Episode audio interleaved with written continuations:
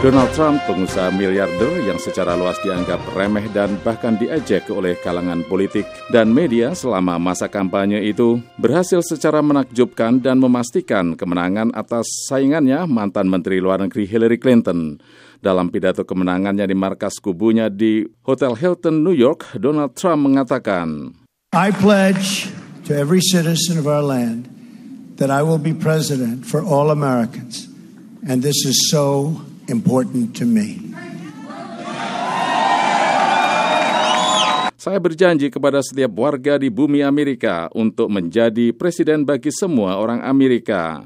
Demikian ujar Trump yang tampak riang dan berseri dikelilingi oleh keluarganya dan para pembantu seniornya dalam perayaan kemenangan di kota New York Rabu dini hari waktu setempat. Banyak kalangan menganggap kemenangan itu seakan mustahil, terutama bagi calon yang belum pernah memegang jabatan publik dan yang mencalonkan diri dalam salah satu kampanye yang paling tidak lazim dalam sejarah Amerika. Kemenangan ini mengakhiri salah satu kampanye presiden yang paling diperdebatkan dan dianggap menimbulkan perpecahan dalam ingatan.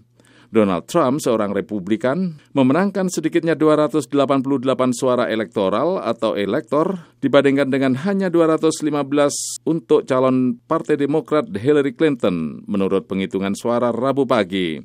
Pemandangan di markas Trump terlihat dipenuhi kegembiraan meskipun masih juga terlihat sisa-sisa retorika kampanye yang sengit.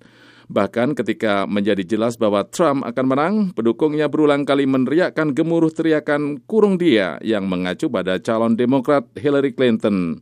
Ada kegembiraan luar biasa di kalangan pendukung Trump dan itu berkembang semakin besar sementara hasil suara mulai masuk, kata Mary Alice Salinas, wartawan VOA yang berada di pesta kemenangan Trump. Banyak pendukung Trump mengatakan mereka tidak terkejut dengan kemenangan ini.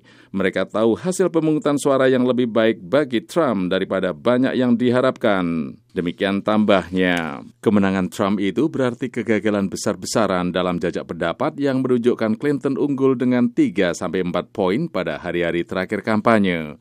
Banyak lembaga survei yang dihormati telah menempatkan peluang menang Hillary Clinton lebih dari 90 persen. Jelas mereka gagal dan kegagalan itu cukup spektakuler, kata Irfan Nurudin, guru besar ilmu politik di Universitas Katolik Georgetown di Washington DC.